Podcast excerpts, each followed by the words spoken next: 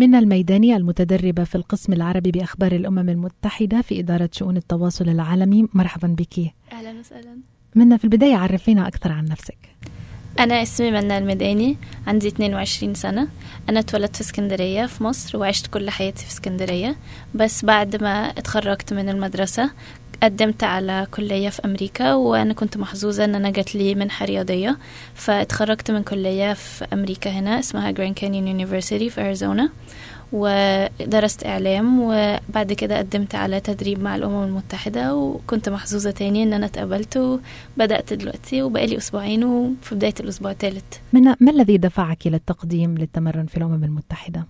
فكرة الأمم المتحدة هي اللي خلتني أقدم لأنه الأمم المتحدة بتهتم بأنه إن هي تنشر السلام بين الدول وإنه هي تاخد بالها من شؤون اجتماعية وسياسية وتهتم بالناس ومتطلباتهم فهو ده اللي أنا عايزة أعمله عايزة أشتغل في أكون بشتغل في إن أنا بساعد الناس وبحاول أقدم خير على قد ما أقدر هل كانت طريقة التقديم سهلة أم صعبة؟ يعني ما هي الخطوات التي مررت بها؟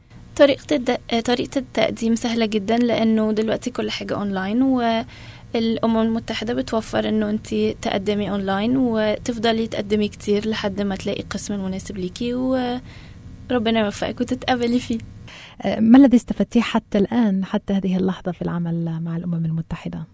أنا استفدت كتير لأن أنا تاني كنت محظوظة وجيت في وقت مهم جدا للأمم المتحدة خلال الجمعية العامة فأنا اتعلمت كتير لأنه فريق العمل بتاعي كان مركز طول الأسبوع وبيشتغل بطريقة سريعة جدا وفي نفس الوقت بدقة كبيرة جدا لأنه ما فيش مجال للأخطاء. فأنا اتعلمت حاجات كتير في الأسبوعين اللي فاتت.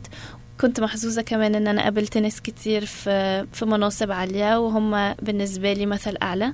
فأنا كان لي شرف إن أنا أقابل ناس كتير في مناصب عالية و بس ودلوقتي إن شاء الله الأسابيع اللي جاية هتعلم حاجات أكتر.